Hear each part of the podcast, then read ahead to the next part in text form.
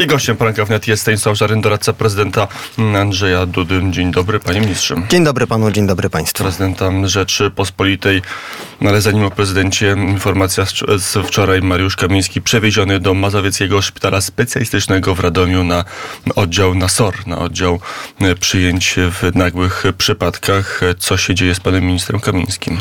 Rzeczywiście sytuacja była niepokojąca i wywołała reakcję lekarzy więzienia w Radomiu to oni zdecydowali o tym, żeby przewieźć pana ministra do szpitala. E, z tego co e, wiem, wykonano e, odpowiednie badania.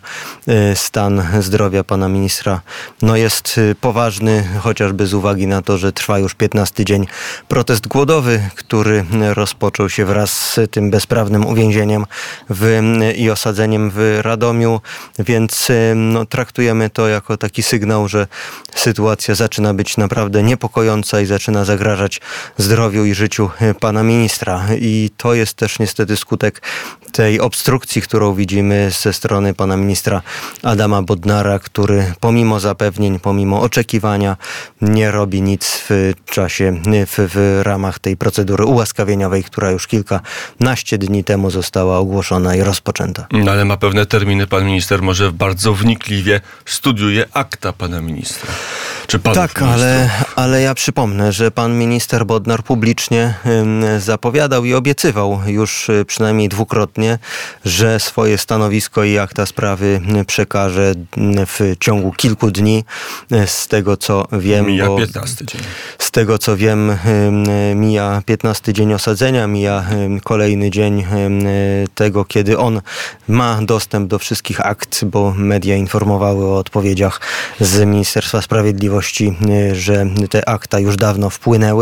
No i nie widać żadnego ruchu, a ten ruch jest oczekiwany nie tylko przez rodzinę i najbliższych, co oczywiste, ale także mam wrażenie przez coraz większą grupę Polaków. Pan minister jest także w Komitecie Obrony Więźniów Politycznych.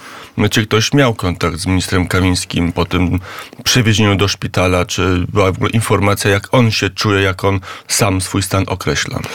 Mamy tutaj bardzo mało informacji szczegółowych. Oczywiście była rodzina w Radomiu, bo to zdarzenie zbiegło się z tym protestem, który codziennie o 18 się w Radomiu odbywa. Rodzina najbliższa pojechała do szpitala, czekała na jakieś szczegółowe informacje, ale też tutaj widać brak pewnej dobrej woli, brak chęci szczegółowego odniesienia się, co się zdarzyło.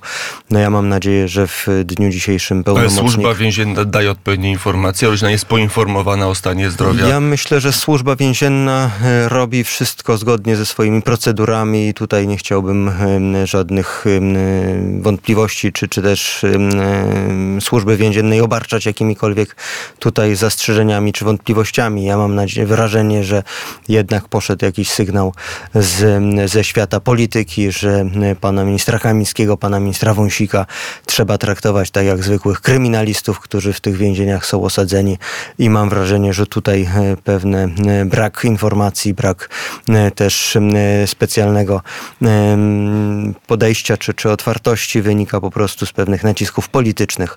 Mam nadzieję, że pełnomocnicy, którzy są, mają zawsze dostęp do swoich klientów, swoich mocodawców, będą w stanie dzisiaj się dowiedzieć. A czy rodzina ma informacje teraz o stanie zdrowia, bo wiemy, że, a może nie wiemy, w tej chwili Mariusz Kamiński cały czas przebywa nasz oddziale szpitalnym w Radomiu, czy już jest w zakładzie karnym? Z moich informacji wynika, że ta sytuacja z jednej strony na tyle zaniepokoiła lekarzy, że zdecydowali się przewieźć ministra Kamińskiego do szpitala, ale z drugiej strony okazało się, że decyzja była taka, że on wrócił już do więzienia, co powoduje, że no, niestety możemy ponownie mieć taką, e, taką historię i ponownie ten, e, ten, ten stan pana ministra może wymagać jakiejś dodatkowej interwencji medycznej. No ja przypomnę, że 15 dzień głodówki to już samo w sobie jest zagrożenie dla życia i zdrowia. Mm, jak powiedział syn ministra Mariusza Kamińskiego, Kacper Kamiński, mm, wiceprezes Prawa i Sprawiedliwości, mm, cierpi na cukrzycę.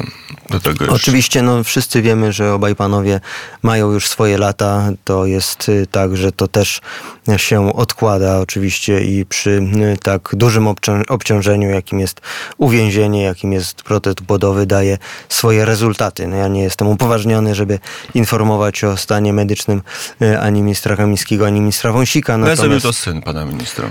Mogę się odnieść do tego, co, co powiedział Kacper Kamiński i rzeczywiście jest to stan, który coraz bardziej niepokoi i też mam wrażenie, że no, ktoś tu igra z życiem ludzkim.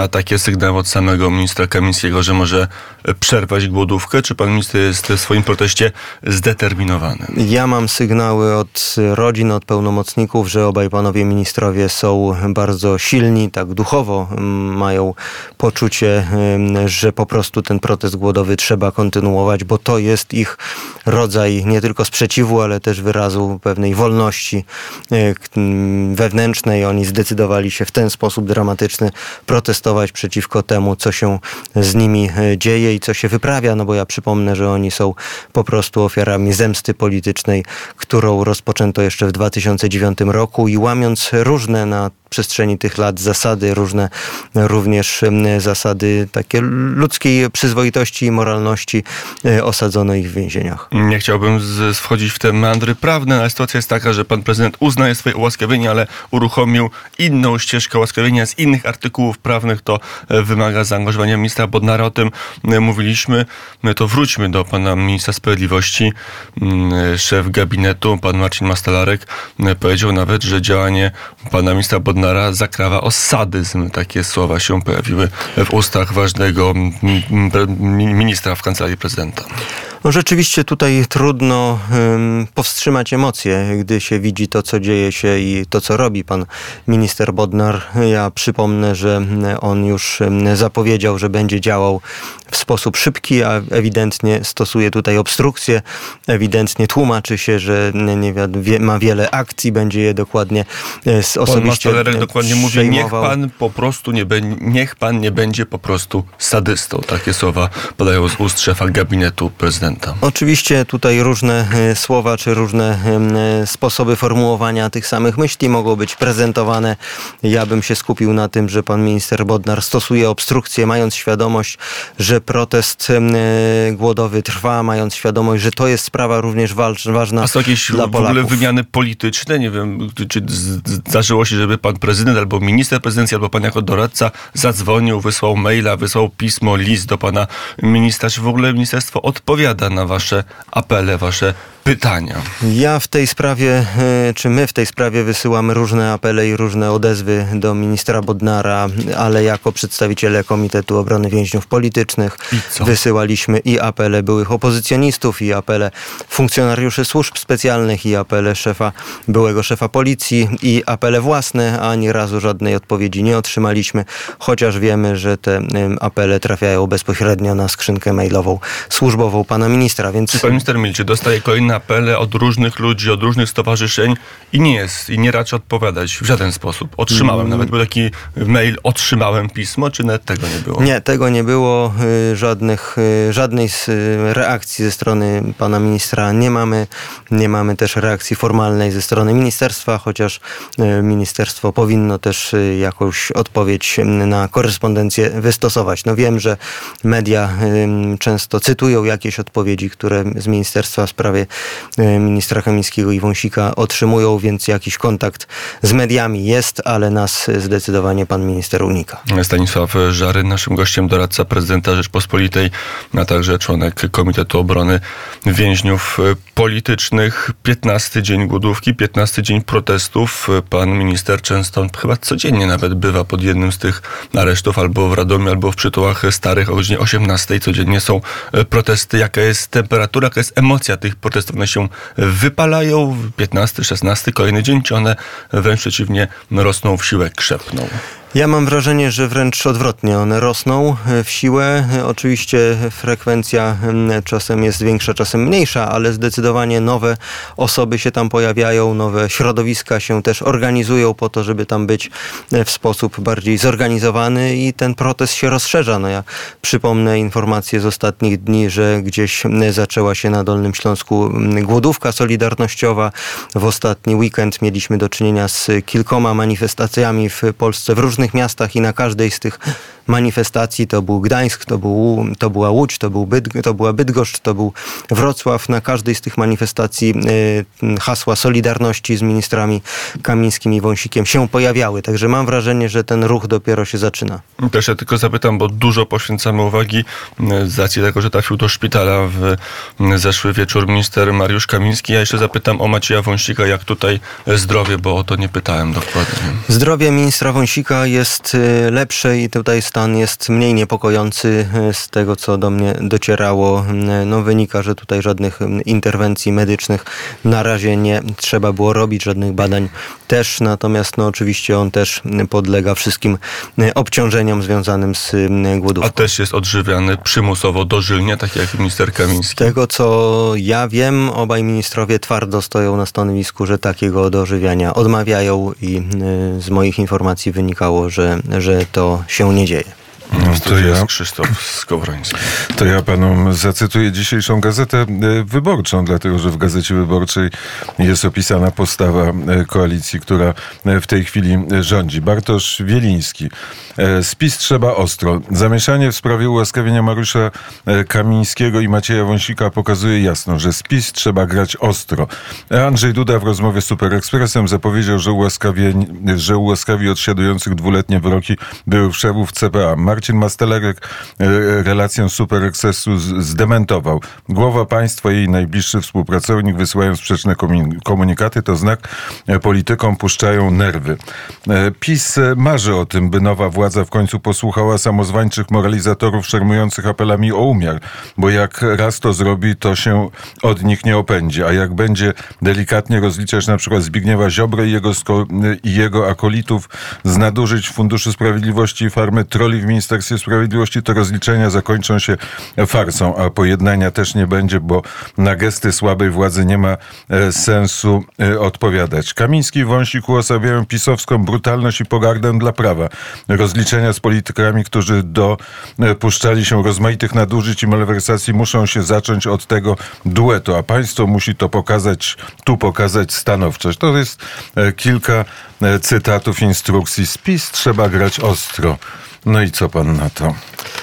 Ja z jednej strony oczywiście po ludzku mam w sobie taki głęboki sprzeciw wobec tego, co jest napisane, ale z drugiej strony to właściwie jest rzeczywiście dobrze oddane y, stanowisko pewnego środowiska bardzo radykalnego, które w tej chwili otrzymuje spłatę pewnego wyborczego długu.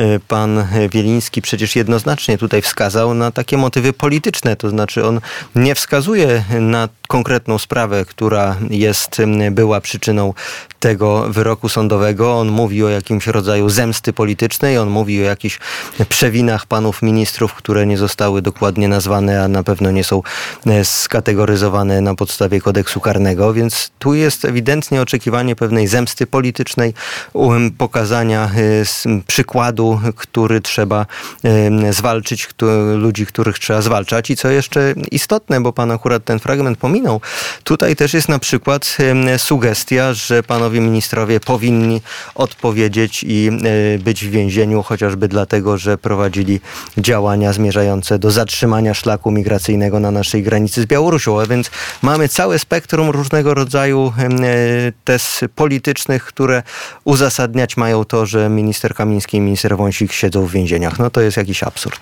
Panie ministrze, to jeszcze przy okazji tego wywiadu padły dwie tezy. Jedna chyba wymaga sprostowania, bo część osób zrozumiało, że pan prezydent ponownie ułaskawi w ramach swojej osobistej prerogatywy panów ministrów, bo sytuacja jest dramatyczna. Czy to jest planowane przez pana prezydenta? Czyli jeszcze raz akt łaski na podstawie tych samych przepisów przepisów, które już zostały wykorzystane w roku 15. Tu wydaje mi się, że minister Mastalerek jednoznacznie wyjaśnił te wątpliwości. Mamy do czynienia z procedurą ułaskawieniową, która zakłada inny tryb niż tryb w 2015 roku i ten, e, ta, ta decyzja, ten, ta procedura powinna się ukończyć. Czekamy na ruch prokuratora Bodnara. Tutaj nie mam żadnych innych informacji o innych decyzjach i innych trybach. które mogą być zastosowane. Naszym gościem, gościem poranka wnet Stanisław Żaryn, doradca prezydenta Rzeczpospolitej mm, Polskiej. To jeszcze w tym samym wywiadzie temat polityczny, żeby tak odchodząc od tematu uwięzionych posłów, polityków Mariusza Kamińskiego i Macieja mm, e, Wąsika. Mm, e, Tam padła no, sugestia, że pan prezydent przyjmuje albo ciepło myśli, albo uznaje za możliwe mm, realizację propozycji Konfederacji, tak zwanego resetu konstytucyjnego w różnych obszarach, czy to mediów, czy to sądownictwa, czy to Trybunału Konstytucyjnego, mm, co właściwie pan prezydent rozumiał i na jakie rozmowy, jak, jak, jak taki reset mógłby wyglądać konstytucyjny.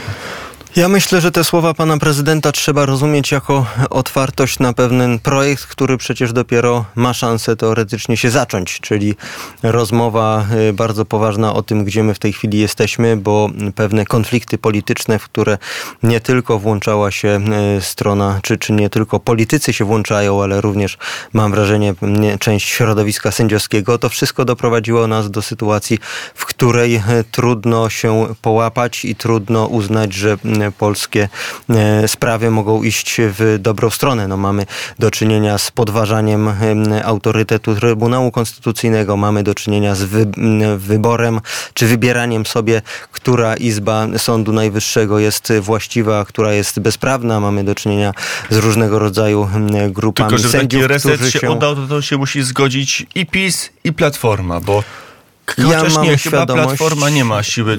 Al, albo PiS i wszyscy pozostali, albo PiS i Platforma, bo tylko takie koalicje mogą zmienić konstytucję w Polsce.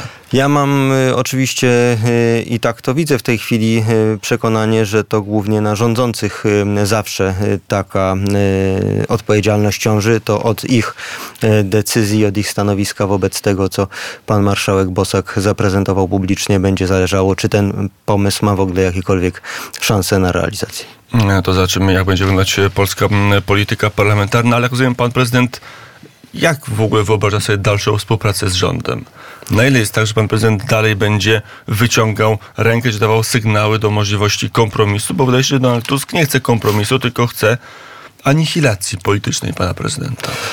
Ja y, wydaje się, że sprawa tu jest oczywista. Pan prezydent ma swoje kompetencje i prerogatywy i będzie ich zdecydowanie bronił, ale oczywiście y, to nie jest, y, to jest człowiek, który doskonale rozumie i dawał temu wyraz, że jest odpowiedzialny za sprawy państwa, a sprawy państwa, sprawy Polski prowadzi w tej chwili nowy rząd i tutaj współpraca bez względu na to, czy to jest łatwe, czy to nie jest łatwe, musi być prowadzona. Są Tylko różne Donald Tusk sprawy. nie chce współpracować. Donald, Donald Tusk ewidentnie chce pana prezydenta politycznie upolować. Ym, nie wiem, pałac ma taką świadomość, Można mieć takie wrażenie, natomiast to jest y, oczywiście do tańca trzeba dwojga, więc y, to zależy również od tego, jak rząd będzie prowadził sprawy i kontakty z panem prezydentem, y, czy ta współpraca będzie się dobrze układała, czy nie. Na pewno ze strony pana prezydenta jest zrozumienie, że współdziałanie jest koniecznością, żeby się Polska się rozwijała i żeby sprawy y, publiczne, ważne dla Polaków były załatwiane. A propos polowania, panie ministrze, gościem Stanisław Żaryn, doradca prezydenta. Pan prezydent ma zaufanie do swojej ochrony? Ja myślę, że tę sprawę też jednoznacznie wstawił, po, postawił minister Mastalerek y, chwilę po, y, na początku stycznia, kiedy doszło do zatrzymania pana ministra Kamińskiego i Wąsika. Tutaj nie ma żadnych wątpliwości. Pan prezydent y, ma y, zaufanie do swojej ochrony, ma y, zaufanie do ludzi, którzy z nim pracują jako funkcjonariusze SOP-u i tutaj nie ma żadnej y, wątpliwości, że ci ludzie są oddani i poświęcą życie, Pytanie, jeżeli będzie takie. słusznie Krzysztof Skowroński. To ja znów zacytuję Gazetę Wyborczą. Hebda, zanim został wiceszefem SOP-u, kierował grupą ochrony prezydenta. E, tak zdobył sobie zaufanie Dudy. Na dodatek rodzice oficera znali się z rodzicami głowy państwa. Teraz Hebda jest nazwany Judaszem. Jak pisaliśmy, rzuciła mu to w twarz Grażyna Ignaczak-Bandy, kierująca e, kancelarią prezydenta. Maciej Wąsik miał z kolei powiedzieć Hebdzie, ja panu tego nie daruję. Do zaufanych należał też pułkownik Król. On z kolei uchodził za bliskiego znajomego Macieja Wąsika. Takie sobie... Tych dwóch oficerów, jest- którzy przyszli w dniu, kiedy pan dostawał nominację na doradcę prezydenta, wyprowadzili, zdaniem przynajmniej źródeł Gazety Wyborczej, no używając podstępu, wyprowadzili dwóch polityków e, z Pałacu Prezydenckiego. Ja nie chcę wchodzić w jakieś e, informacje, których e, nie znam. To są rzeczy, jak rozumiem, z jakichś przecieków e, czy, czy wewnętrznych, w których spo, sytuacji, w których nie brałem udziału, których nie znam.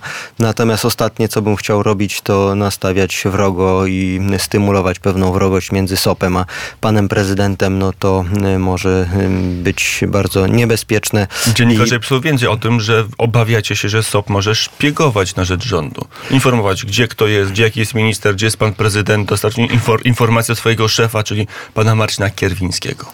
Jest oczywiste, że Służba Ochrony Państwa ma swoje obowiązki, jest zobowiązana chronić pana prezydenta, który jest najważniejszą osobą w Polsce i tutaj e, bez względu na to, e, co piszą gazety, mam przekonanie, że pan prezydent ufa swoim ludziom, którzy go ochraniają i to zaufanie musi być i musi, by, musi ta współpraca funkcjonować na zasadzie zaufania, bo inaczej może dojść do jakiegoś No, ale czy to zaufanie, ale czy to zaufanie jest? Czy nie zostało Tak, zerwane za- w momencie... Nie, nie, nie, to zaufanie jest. Mówił o tym minister Mastalerek. E, To e, nie jest sytuacja, która e, sprawia, że pan prezydent stracił zaufanie do ludzi, z którymi pracuje. Pojawiały się opinie, że albo trzeba prawnie powołać nową ochronę, która by strzegła prezydenta, tak jak Trybunał Konstytucyjny ma własną straż, ma własną straż trybunalską, Trybunał Konstytucyjny, która jest niezależna mm, od rządu, niezależna od prezydenta. To znaczy prezydent nie powinien mieć własnej ochrony niezależnej od rządu. Jest to koncepcja, która e, kiedyś czy, czy raz na kilka lat wraca. Nie, jestem zamknięty na taką dyskusję i taki pomysł, natomiast no, nie słyszałem, żeby jakaś konkretna em, propozycja ustawowa w tej sprawie była procedowana. Łukasz Jankowski się uśmiecha, bo po raz kolejny zacytuję Wojciecha Czuchnowskiego. Sprawa przechowywania lub ukrywania w Pałacu Prezydenckim poszukiwanych przez policję polityków PiS ma jeszcze jeden aspekt. Decyzję podejmował Andrzej Duda, ale jego polecenia wykonywali poszczególni urzędnicy. Teraz boją się odpowiedzialności za współudział w łamaniu e, prawa. E, to takie e, informacje czytają, ci, dostają ci, którzy czytają Gazetę Wyborczą jako źródło informacji.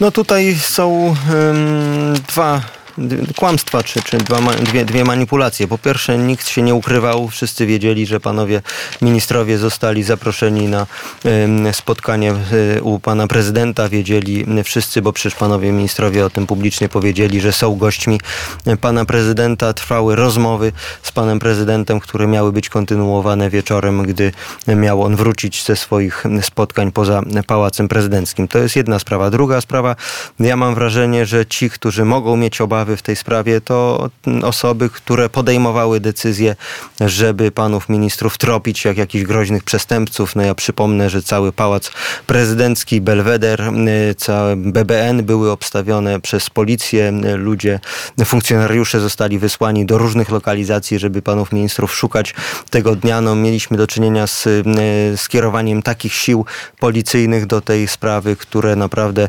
wskazywały, że mamy do czynienia z obławą na jakichś groźnych przestępców, kryminalistów, którzy nie tylko e, popełnili poważne zbrodnie, ale realnie zagrażają e, ładowi i porządkowi publicznemu i mam wrażenie, że to ci ludzie, którzy za to odpowiadali, mogą być zaniepokojeni, jeżeli chodzi o ocenę prawnokarną tych zdarzeń. A co się wydarzyło między konferencją prasową prezydenta Donalda Tuska, który stwierdził, że nie wyobrażają sobie państwo, że policja wejdzie do Pałacu Prezydenckiego, a e, faktycznym wejściem policji do Pałacu Prezydenckiego? Jaka, co tam się działo? Czy coś wie pan na ten temat? Tutaj trudno mi, e, mm, prze, trudno mi tutaj przesądzać, no mogę tylko opierać się na pewnych przesłankach, które chociażby też z mediów do nas docierały. No, być może było tak, że, że kalendarz pana prezydenta został wykorzystany do tego, żeby podczas jego nieobecności po prostu wkroczyć do Pałacu Prezydenckiego i tego zatrzymania dokonać. Ja mam wrażenie,